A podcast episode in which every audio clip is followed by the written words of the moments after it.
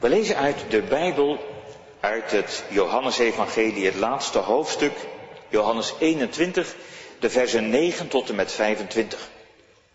Johannes 21, te beginnen bij vers 9. In die versen daarvoor gaat het over Petrus, die zegt tegen zijn broeders, ik ga vissen. En ze gaan met hem mee bij dat meer van Galilea, waar ze vroeger ook al visten en een bedrijf hadden. En bij dat meer van Galilea, bij die vissersboten, zien ze die vreemdeling die ze eerst niet herkennen. Maar Johannes herkent hem wel. Het is, het is de Heere, de Heere Jezus. En we lezen dan vanaf vers 9. We lezen daar Gods woord als volgt. Toen ze nu aan land gegaan waren, zagen zij een kolenvuur met vis daarop liggen en brood. Jezus zei tegen hen, breng wat van de vissen die u nu gevangen hebt. Simon Petrus ging er naartoe en trok het net op het land vol grote vissen, 153. En hoewel het er zoveel waren, scheurde het net niet. Jezus zei tegen hem, kom, gebruik de middagmaaltijd. En niemand van, niemand van de discipelen durfde hem te vragen, wie bent u? Want ze wisten dat het de Heere was. Jezus dan kwam en nam het brood en gaf het hun en de vis eveneens. Dit nu was de derde keer dat Jezus zich aan zijn discipelen openbaarde nadat hij uit de doden opgewekt was.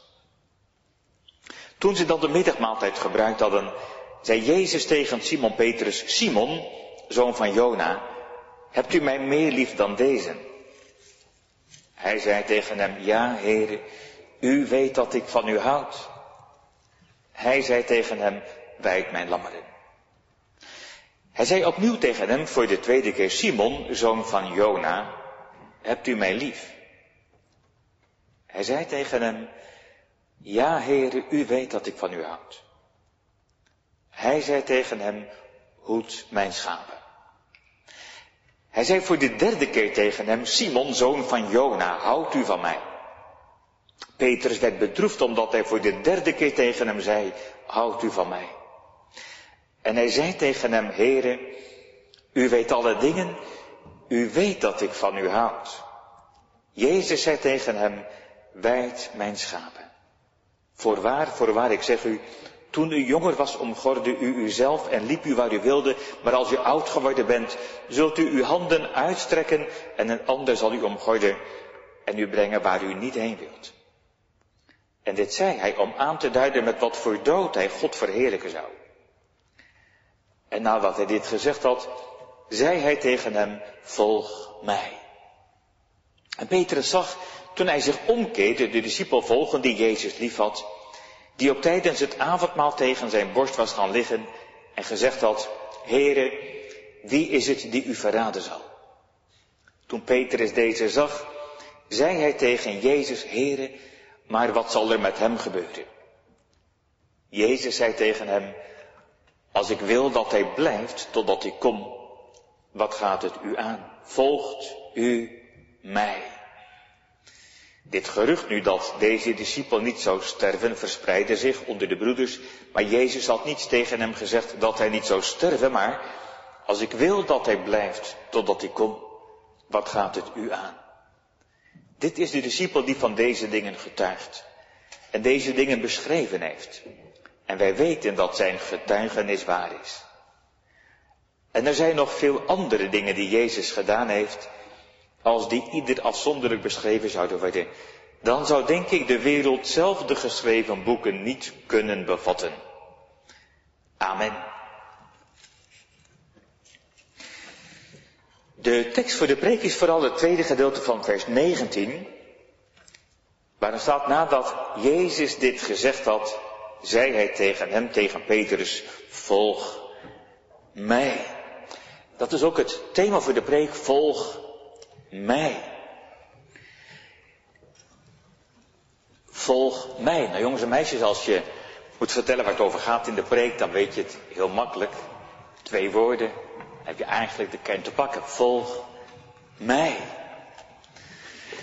Gemeente, u weet het ook wel, als je naar school gaat, dan leer je nieuwe dingen. En de kinderen en de jongeren die naar school gaan, die weten dat natuurlijk nog veel beter.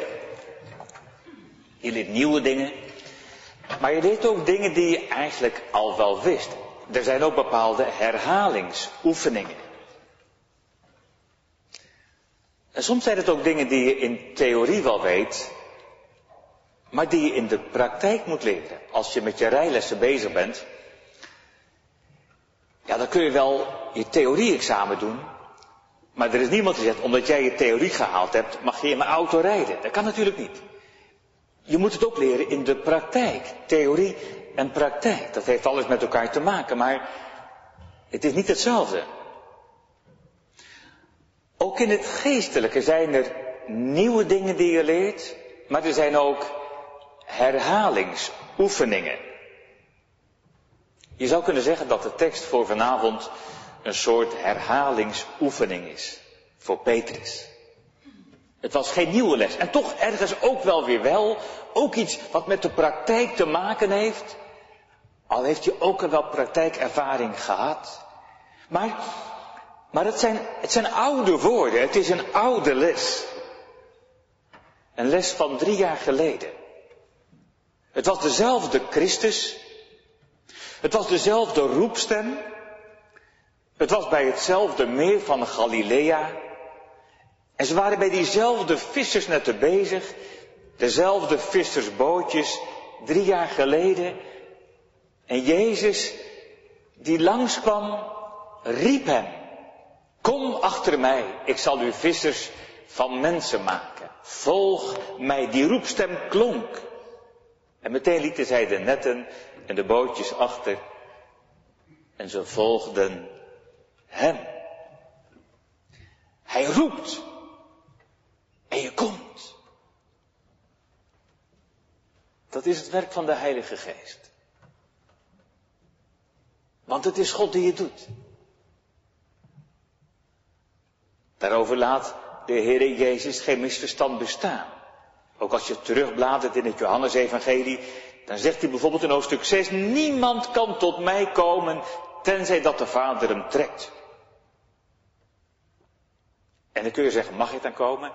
En kan dat zomaar? En wil hij me wel? Maar dan zegt Jezus daarbij, al wat mij de Vader geeft zal tot mij komen. En dan zegt hij, wie tot mij komt, zal ik geen zins uitwerpen. Eigenlijk zegt Jezus, een soort, soort garantie krijg je van mij. Dat als je komt bij mij, dat je niet wordt weggestuurd. Ik zal je geen zins uitwerpen. En Petrus is gekomen. En Petrus is gebleven, ook toen anderen afhaakten. Want dat gebeurde ook in die tijd, dat mensen afhaken. Maar Petrus heeft iets ontdekt van dat geheim. Dat is in datzelfde hoofdstuk Johannes 6. Dan, dan haken mensen af. En dan zegt Jezus niet, Petrus, wil je alsjeblieft bij me blijven? Heb een beetje medelijden met mij. Dat doet de Heer Jezus niet. Hij vraagt geen medelijden. Hij, zet je ook niet onder druk. Alsof hij een beetje zielig is of zo. Want het gaat ten diepste niet om, omdat het voor hem nodig is. Maar omdat het voor ons levensnoodzakelijk is. Jezus zegt zelfs tegen Petrus en tegen de anderen die waren gebleven, zegt, willen jullie ook niet weggaan? Ja, maar zegt Petrus, weggaan? Maar naar wie? Heren, naar wie zullen we heen gaan? U hebt die woorden van het eeuwige leven. Want we hebben geloofd en erkend dat u de Christus bent. De Zoon van de levende God. Dat is een prachtige beleidenis. Ook voor beleideniscatechisanten. Die zullen er hier ongetwijfeld ook weer zijn dit jaar. Die beleidenis hopen te doen de komende tijd, of wat misschien al gedaan hebben. Om hem te beleiden. Tot wie zullen we anders heen gaan? Dan kunnen de mensen afhaken, maar dat je weet, ja maar, zonder Jezus. Dan heb ik geen leven. Tot wie zullen we heen gaan? U hebt je woorden van het eeuwige leven. Dat is allemaal geweest. Maar nu krijgen we de indruk dat Petrus op een doodspoor is beland. Ja, ze weten best wat het Pasen is geworden. En ze geloven best wel dat Jezus is opgestaan. Ze hebben hem gezien, ze hebben hem gesproken. Maar wat is zijn bedoeling nu? Soms weet je heel goed wat Jezus wil. Er zijn dingen, dan weet je het heel goed wat Jezus van je vraagt. Maar soms zijn er momenten dat je het echt niet weet. Hem volgen, ja maar waarheen dan? Wat wil hij eigenlijk dat ik doe? Welke keuze wil hij dat ik maak? En, dat je wel eens denkt, waar is hij eigenlijk? Eerder konden de discipelen dat gewoon aan hem vragen. Ze liepen samen met hem op. Ze zaten samen ergens aan tafel. Ze konden het gewoon vragen. Hij was er gewoon bij. Maar na Pasen is dat allemaal anders geworden. Ze weten wel dat hij leeft, maar waar is hij dan? Ze zijn maar weer gaan vissen. Net als vroeger. Petrus heeft het initiatief genomen. Hij heeft het gezegd, ik ga vissen. In vers 3. En de anderen gaan met hem mee. En juist hier komt Christus terug. Dat is bij datzelfde meer van Galilea. En bij diezelfde netten, hetzelfde plekje als drie jaar geleden. En het is dezelfde roeping, een herhalingsoefening. Dezelfde woorden. Volg mij. Het zijn dezelfde woorden, maar ze klinken anders. Hoezo dan? Maar Jezus is niet meer bij hen Zoals drie jaar geleden. En, en daarmee komt het wel veel dichter bij ons in onze situatie vandaag. Want wat hier in Johannes 21 gebeurt, is dat Jezus naar zijn vader gaat. En dat hij zijn discipelen achterlaat hier op aarde, dat hij niet meer bij hen is zoals die achterliggende jaren. Ze kunnen hem niet meer zomaar zien, net als wij. Ze kunnen wel spreken met hem in het gebed, maar er komt niet altijd zo rechtstreeks antwoord zoals in die achterliggende tijd. En toch is het diezelfde roepstem, ook al zien ze Jezus niet meer zoals het was. Het is diezelfde roepstem, volg mij. En dat is voor ons heel belangrijk. Want die roepstem blijft klinken, ook nu Jezus bij zijn Vader in de hemel is. Het is diezelfde roepstem van diezelfde Christus die je roept, volg mij. Die roepstem blijft klinken tot de laatste dag. En daarmee zegt Jezus ook, al ga ik naar mijn Vader, die roepstem blijft, want ik ben er nog steeds, ook nu, al kun je mij niet zien, ik zie je wel. En ik hoor je altijd. Al kun je mij niet zien, ik ben zo dichtbij dat ik je altijd zie. Zo dichtbij dat ik je altijd hoor. Volg mij. Dat wil niet zeggen dat hij precies vertelt langs welke weg. Peter wist ook niet waar het hem zou brengen. En soms lijkt het alsof je op doodspoor belandt, net als Petrus hier in Johannes 21. Wij willen graag weten waar we aan toe zijn. Wij willen graag weten wat we mee zullen maken. Wij willen de route weten. Liefst precies helemaal van tevoren. Maar dat leer je wel af bij Christus. Want hij gaat zijn eigen weg. En als ik zo rondkijk, er zijn er ook heel wat onder u die, die, die er ervaring mee hebben. Dat je merkt, ja maar het is toch telkens weer anders dan je denkt. Hij leert je dat het niet gaat om de route, maar om hem. Welke weg hij ook wijst. Als het maar is, achter hem aan. Dat is hier heel belangrijk. Het gaat om hem. En het geheim van het volgen ligt in Hem.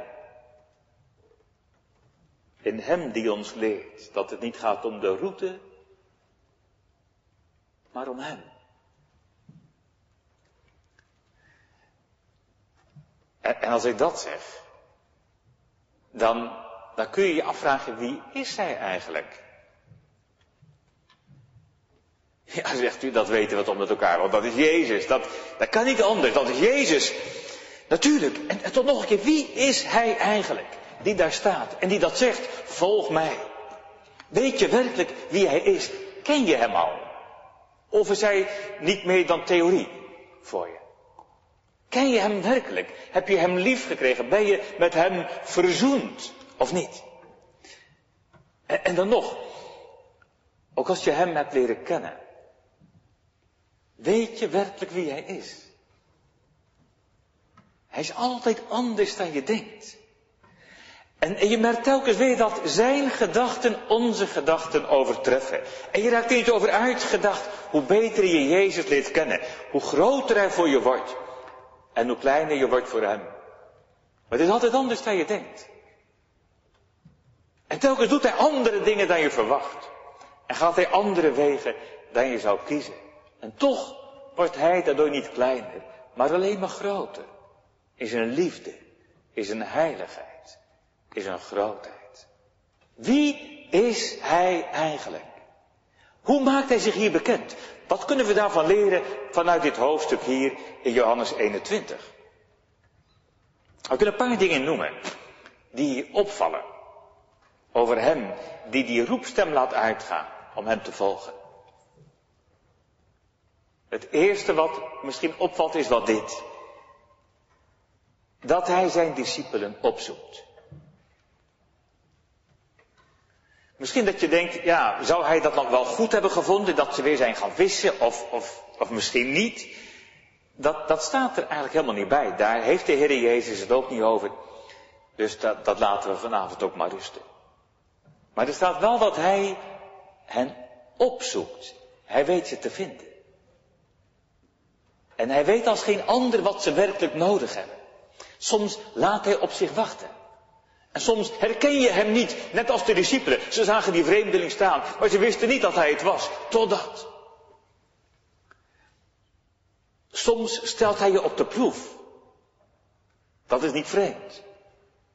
Maar wie hem verwacht, wordt niet beschaamd. Hij weet je wel te vinden. Waar je ook bent. En wat je ook hebt meegemaakt. Hij weet je wel te vinden. Hij zoekt zijn discipelen op. En nog steeds zoekt hij zijn kinderen op. Hij weet je wel te vinden. Hij die het zegt, volg mij. En dan een, een tweede iets. Als hij verschijnt en als ze hem herkennen aan die oever van het meer, dan laat hij ze als geen andere voelen dat ze niets kunnen zonder hem.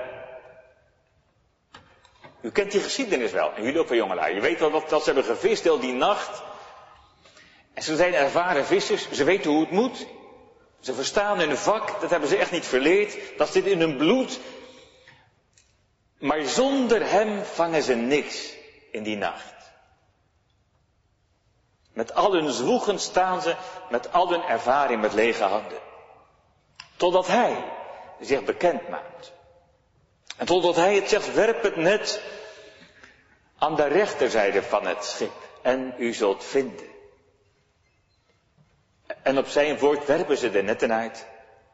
Er tegen al hun visserswijsheid in. En zo krijgen zij de vangst van hun leven. Dat is een les om nooit te vergeten. Een les in gehoorzaamheid. Een les in afhankelijkheid. Om onvoorwaardelijk te doen wat hij zegt. Heren, zonder u kan ik niet. Zonder u blijven mijn netten leeg. Maar op uw woord Zonder hem kunnen ze niets. Hij is het die zegt, volg mij. En dan, dan, dan iets anders. Wat, wat doet de Heer Jezus dan? Eigenlijk is het heel eenvoudig. Hij nodigt ze uit voor de maaltijd. Dat is ook iets, iets van het mooie, ook van het, van het grote van wie Jezus is. Hij weet het ook als je honger hebt en als je dorst hebt. Gewoon in je buik, honger en dorst. Dat weet hij ook, of als je moe bent. Ze hebben heel de nacht gewerkt. Ze kunnen wel wat eten gebruiken. Hij geeft brood en vis. Nog gebakken ook. Hij voedt ze met gewoon eten. Hij zorgt ook voor het gewone eten en drinken.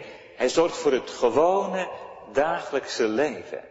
Ook dat. Dat is voor hem niet ongeestelijk of zo, nee. Dat hoort er helemaal bij.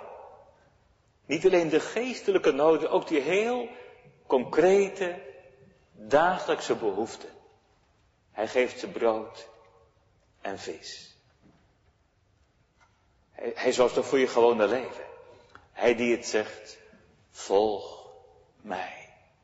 En toch, toch beperkt hij het natuurlijk niet tot brood en vis, want hij weet ook wel, bij brood en vis alleen zal een mens niet leven. Hij steekt dieper af. En dan laat u merken dat hij alles weet van Petrus, maar ook van u en van jou en van mij.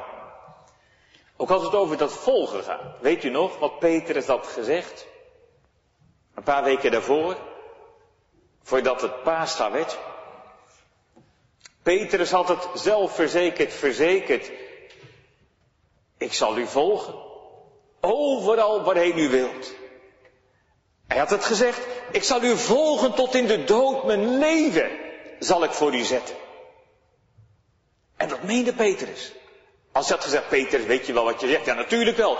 Dan was hij beledigd geweest. Hij zou zijn leven geven. Overal wilde hij Jezus volgen.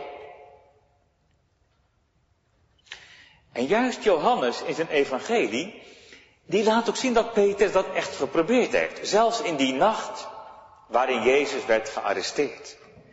Johannes vertelt dan dat Petrus Jezus volgt. Zelfs tot in die zaal van Caiaphas. Dan moet je wel durven. En Petrus durfde. Tot bij dat kolenvuur bij Caiaphas. Maar als ze bij dit kolenvuurtje zitten, aan de oever van het meer, wat schaamt Petrus zich diep. Dan, dan, dan weet hij uit ervaring wat er van gekomen is. Van dat volgen van Jezus. Wat hij ervan terechtgebracht heeft. Tot drie keer toe heeft hij verzekerd. Met vloeken en alles erbij. Dat, dat hij hem niet kent. En dat hij niet bij hem hoort. En dat hij niet van hem wil weten. Ik hoor niet bij hem. En ik ken hem niet. Jezus verlogend. Dat weet Jezus. Want Jezus zag hem. En dat weet Petrus ook. Dat Jezus alles heeft gezien. En alles heeft gehoord. En daar komt Jezus op terug. Want hij die je roept, hij is allereerst degene die de relatie herstelt. Of om het anders te zeggen, die verzoening brengt. Die verlost van de schuld. En die je verzoent met God. Dat hoor je in heel dat gebeuren. In dat gesprek bij die maaltijd. Je hoort het in die vraag. Simon, zoon van Jona, hebt u mij meer lief dan deze? En als Petrus bevestigend antwoord, dan nog een keer. Simon, zoon van Jona, houdt u van mij? Nou, als je verkering hebt, hè, en je vriendin vraagt, hou je van me? Nou, dat is natuurlijk mooi. Maar, maar als je dan ja hebt gezegd en ze vraagt het nog een keer, dan denk je, nou, waarom vraag je dat nog een keer? En als het er nog een derde keer komt, je voelt die, die spanning oplopen tussen Jezus en Petrus. Simon, zoon van Jona, houdt u van mij? Hebt u mij lief? Is dat wel waar? Met andere woorden, je zegt het wel.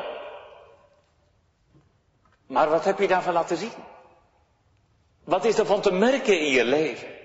Wat heb je in de praktijk gebracht in die zaal van Caiaphas? Hij stelt je de vraag. Heb je mij lief? Is dat wel waar? Is dat te merken als je s morgens de dag begint? Is dat te merken als je naar school gaat? Is dat te merken als je naar je werk gaat? Als je thuis je werk moet doen? Is dat te merken als je vakantie hebt?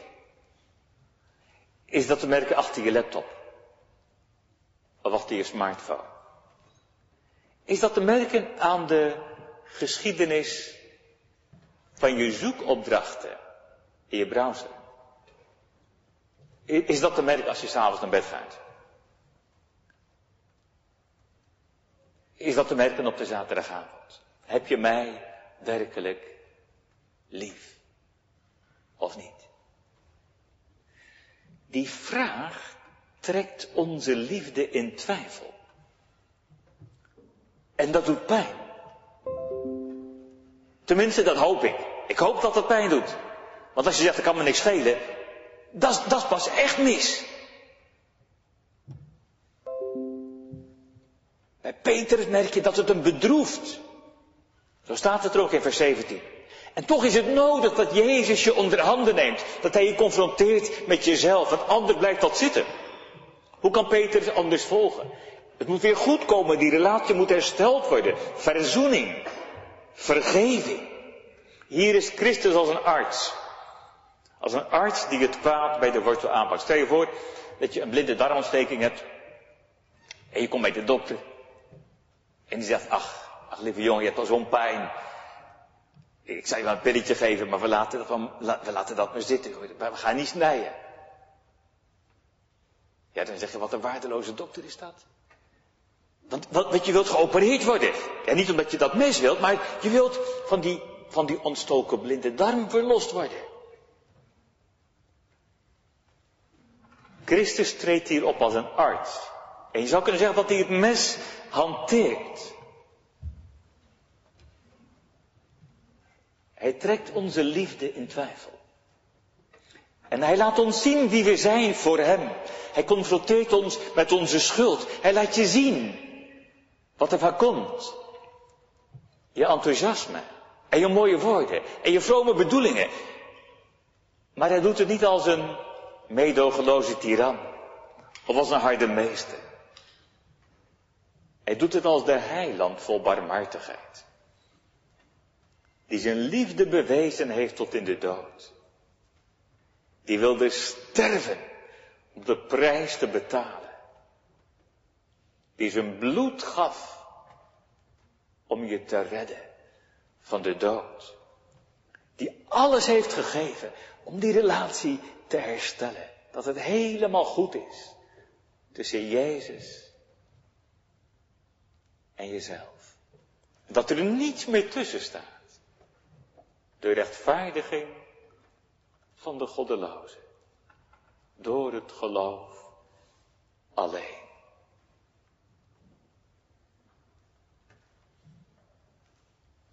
Dat is het geheim van die liefde van Christus. Die liefde die je hart breekt. Voor het eerst. Maar ook telkens weer, want het is niet één keer.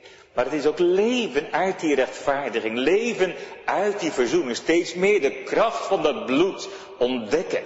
En je hoort het in het antwoord van Peter, Heer, u weet alle dingen. Maar ook dat andere, u weet dat ik van u houd. Omdat u het zo waard bent. Omdat u zo goed bent, al verdien ik er niets van. Ja, waarom ga ik daarop in? Omdat Hij het is die je roept.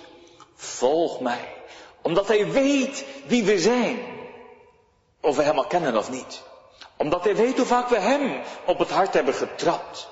Omdat Hij weet dat we Zijn liefde niet waard zijn. En toch spreekt Hij ons aan. Heel persoonlijk. Volg mij. Ik wil dat je komt. Al is het voor het eerst. Maar ook telkens weer. Hij laat het je weten. Ik stuur je niet weg. Maar ik wil je hebben. Hij laat het je weten. Je hebt niets om mee te nemen. Maar je hoeft ook niets mee te nemen. Want ik breng alles mee. Ik ben je heil alleen. Hoor, de heiland is hier. En hij roept, ook jou en u en mij, volg mij.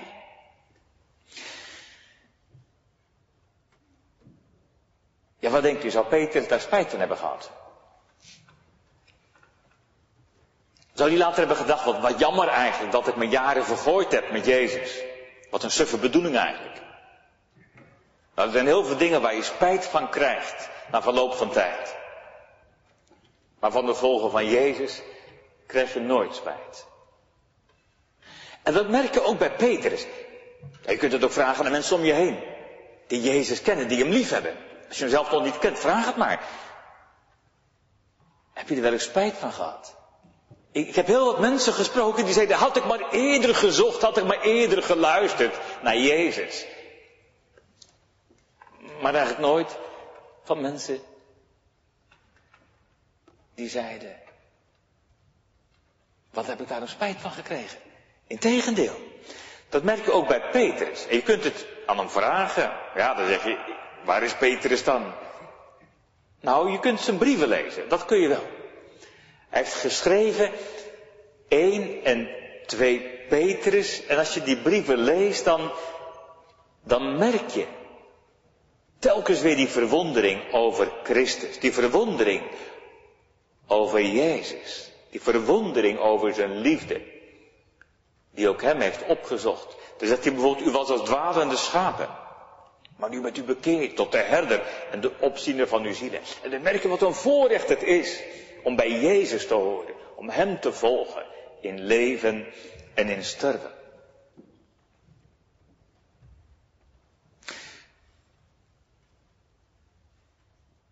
Petrus zou niet anders willen. Maar dat volgen is geen garantie voor een comfortabel leven. Als je dat verwacht, dan wordt het een teleurstelling. Dat was in de tijd van het Nieuwe Testament. Er waren mensen die Jezus volgden om de wonderen, om de bijzondere dingen. Dat vonden ze leuk, vonden ze mooi, spectaculair. Maar de mensen die puur om die wonderen kwamen, haakten vroeg of laat weer af. Zeker toen het kruis in zicht kwam. Dat gevaar heb je ook vandaag met, jij noemt het dan het welvaartsevangelie. Dan wordt het geloof voorgesteld van als je maar gelooft, dan gaat het goed. Als je maar gelooft, dan krijg je wat je wilt. Als je gelooft, dan gaat het goed met je werk. Als je gelooft, gaat het goed met je gezondheid. Als je gelooft, dan verdien je geld. Als water. Nu kan de Heer heel veel zegeningen geven. Maar die zegeningen worden ons niet gegarandeerd. Als je leest in de tekst, in dat gedeelte, daar staat er juist iets heel anders. Jezus heeft het over plaatsen waar je niet wilt komen. Hij zegt dat volgen, dat zal je brengen op plaatsen waar je niet naartoe wilt gaan. In vers 18. U brengen waar u niet heen wilt.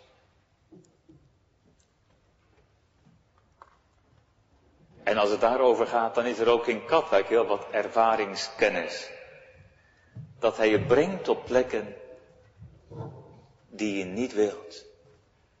En die je nooit had uitgekozen. Soms gaat je levensweg door donkere dalen.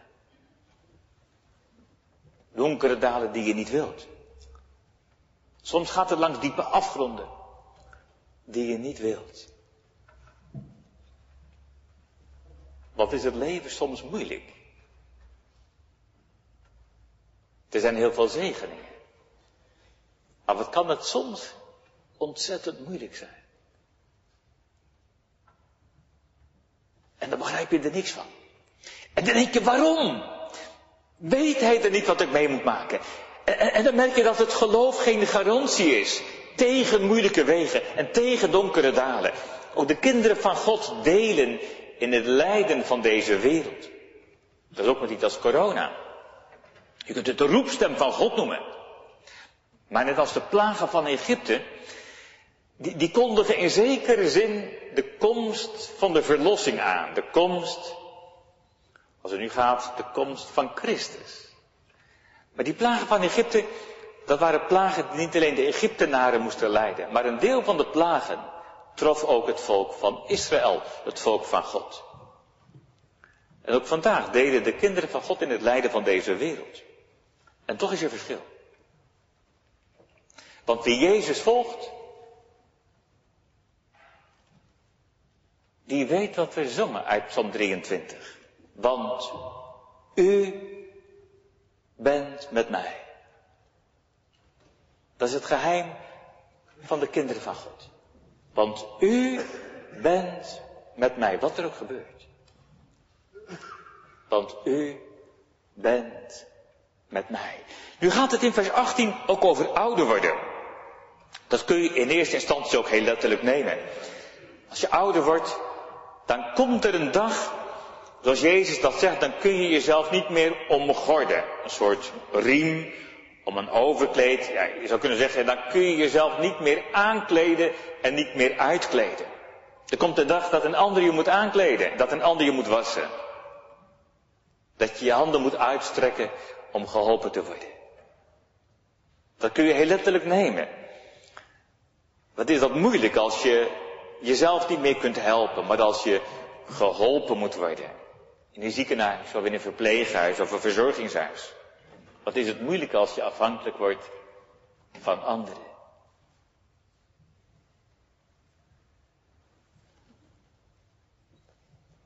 Toch gaat het hier in de eerste plaats over het volgen van Christus. Dat Jezus zegt, wie mij zal volgen, die zal ook delen in mijn lijden. Jezus zegt ook, als iemand achter mij wil komen, die moet zichzelf verloochenen, zijn kruis opnemen en mij volgen. Daar is Jezus open en eerlijk over geweest. Hij zegt niet tegen zijn kinderen, die krijgt een voorkeursbehandeling of zo. Nee, hij zegt, als ze mij vervolgd hebben, dan zullen ze ook u vervolgen. Houd daar rekening mee. Dat je deelt in dat kruis, in dat lijden. Openlijk spreekt Jezus over het lijden dat onlosmakelijk verbonden is met het volgen van Hem. Het volgen van Jezus brengt je op plaatsen die je niet wilt. En misschien helpt het het best als we een paar dingen van Petrus op het spoor komen. Dan kun je zelf ook wel lijnen doortrekken met de eigen situatie.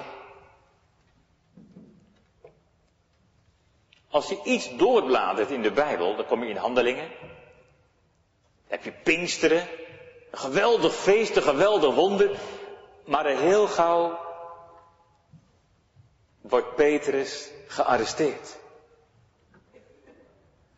En, en later wordt hij losgelaten, maar dan wordt hij weer gearresteerd, wordt hij gemarteld, gegezeld en bedreigd. En later nog een keer zal hij ter dood gebracht worden, maar dan, dan wordt hij wonderlijk bevrijd.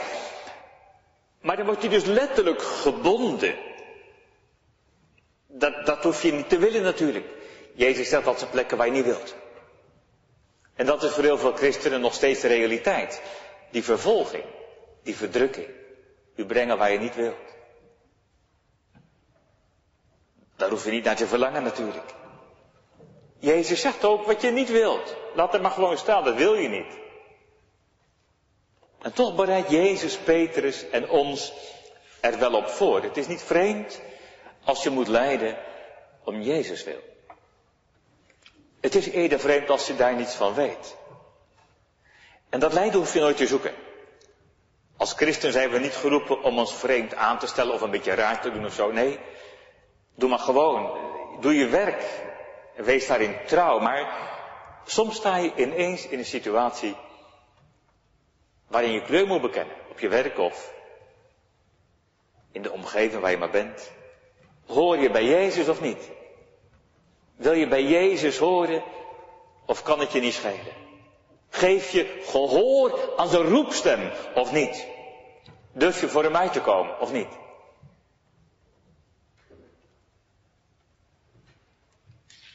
Soms sta je alleen, soms krijg je kritiek.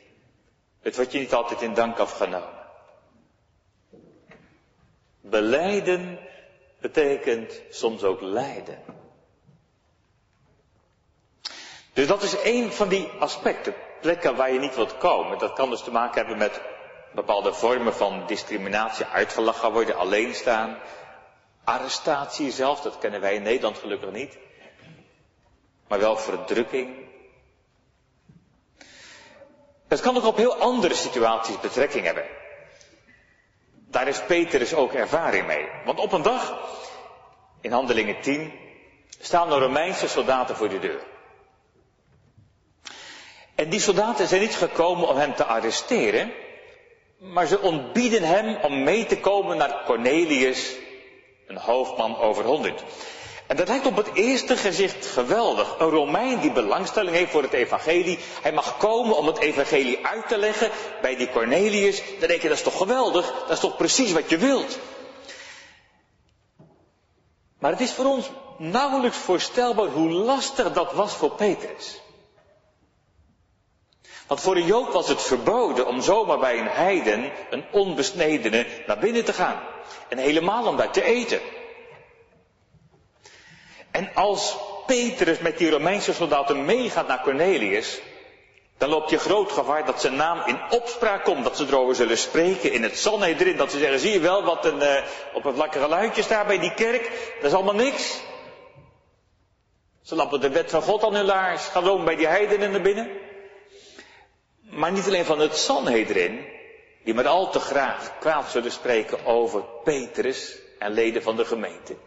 Maar ook in de eigen gemeente ligt dat uiterst gevoelig. En zeker als er echt iets gebeurt, als Petrus daar komt en preekt en Cornelius tot geloof komt en de Heilige Geest eruit gestort wordt, dan geeft dat zoveel verwarring in die christelijke gemeente. Dat ze denken, die heidenen, dat kan helemaal niet. Dat, is maar een heiden. En dan ontstaat bijna de eerste breuk in de kerk. Door de wonder van God wordt dat voorkomen. Maar het was voor Petrus ontzettend lastig om mee te gaan. Het was veel makkelijker om te zeggen, laat maar zitten, laten we maar een ander vragen. Naar Cornelius meegaan, dat is in eerste instantie waar u niet heen wilt. Want, want zal mijn naam in opspraak komen? En dan toch, wat weegt nu zwaarder, mijn eigen naam? Of het volgen van Christus? Christus zegt, volg mij. Dat gaat voor alles. Ook als het je brengt waar je niet wilt. Ten diepste is het hier alles of niets. Voor of tegen. En in het leven van Petrus zie je dat het heel ver gaat. Daar spreekt Jezus ook openlijk over.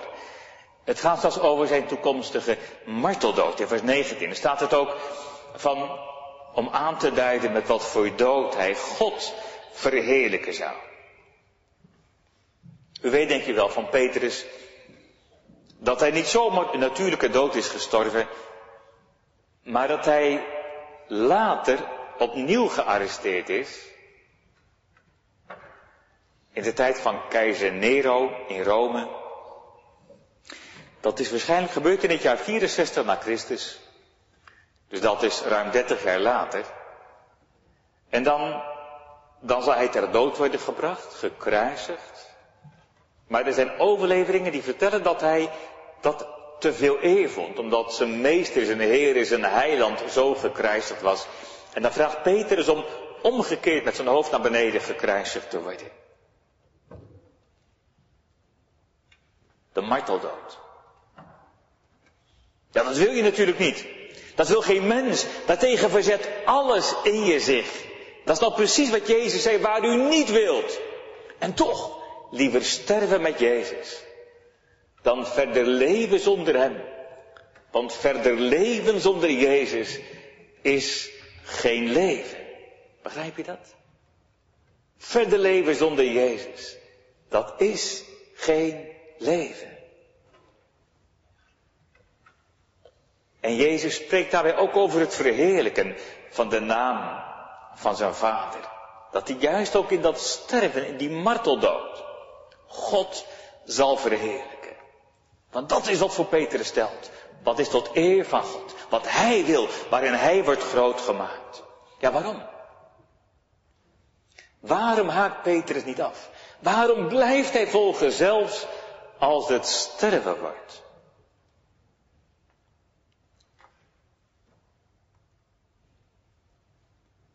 Uiteindelijk is er maar één antwoord. Dat het geheim ligt in Jezus. Het geheim ligt niet in jezelf. Het geheim ligt in Hem. Die niet alleen roept, maar ook getrouw is. Die alles heeft gegeven. En die zijn geest ook geeft. Die geest die je aandacht richt op Jezus. Dan is het niets van mij. Alles van Hem. En dan kun je denken, ben je dan niet bang voor wat er komt? Jawel, er staat nergens dat Petrus niet bang was. En toch overtuigt hij er van binnenuit. Als Jezus er maar bij is. En dan, wat ik altijd zo mooi vind in die woorden. Let er nog eens op hoe hij dat eigenlijk zegt. Hij zegt niet, ik stuur je erop uit. Hij zegt niet ga. Nee, hij zegt volg mij. Iets om altijd te onthouden. Volgen. Dat wil zeggen dat hij voorop gaat. Dat wil zeggen, hij stuurt je er niet alleen op uit. Maar hij gaat voorop. Hij is erbij. Volgen, dat wil zeggen dat hij erbij is. Ook langs die donkere dalen en langs die steile afgronden. Waar je ook bent. Jezus zegt dat mijn schapen horen mijn stem en ik ken ze en ze volgen mij. Niemand zal ze uit mijn hand drukken. Het geheim ligt in hem. Die erbij is. Want volgen betekent dat hij voorop gaat. Dat hij de weg baant. Ja, zal ik, zal, ik wel volhouden? Dat kun je wel eens denken. Hè? Ik kan het wel zeggen, ook als je beleidenis doet. Zal ik wel volhouden? Maar Jezus vraagt geen zelfverzekerde woorden. Hij geeft eenvoudigweg zijn bevel. Volg mij. Ja, maar, maar, maar als ik dan niet voor hem uit durf te komen. Jezus zegt, volg mij. Ja, maar, maar, maar als ik bang ben voor de gevolgen. Jezus zegt, volg mij. Ja, maar, maar, als mijn vrienden andere keuze maken. Jezus zegt, daar heb je niks mee te maken. Volg jij mij. Volgt u mij. Laat je niet afleiden door anderen. Dat merk je ook bij Petrus. Petrus ziet even die andere discipel die Jezus lief heeft, Johannes. En Petrus vraagt, ja maar wat zal er met Johannes gebeuren? Vers 21. Daar kun je soms druk mee zijn, de weg die een ander gaat. Maar Jezus zegt, als ik wil dat hij blijft totdat hij komt. Wat gaat het u aan? Volgt u mij. Dat is je nuchtere geestelijke wijsheid. Je door niets en niemand laten afleiden. Volgt u mij. Het alternatief is je eigen weg. Dat is dwalen en afdwalen en verdwalen. Dat is omkomen. En daarom volg mij. Alleen zo kom je waar Jezus is. Dat moet een keer beginnen. En dat houdt nooit meer op. Zelfs in de hemel, de nieuwe hemel en de nieuwe aarde, gaat het eindeloos door. Want het lam zal hen wijden, openbaring 7, en zal hen geleiden naar levende waterbronnen. Het volgen houdt nooit meer op. Hoor hem. Volg mij. Amen.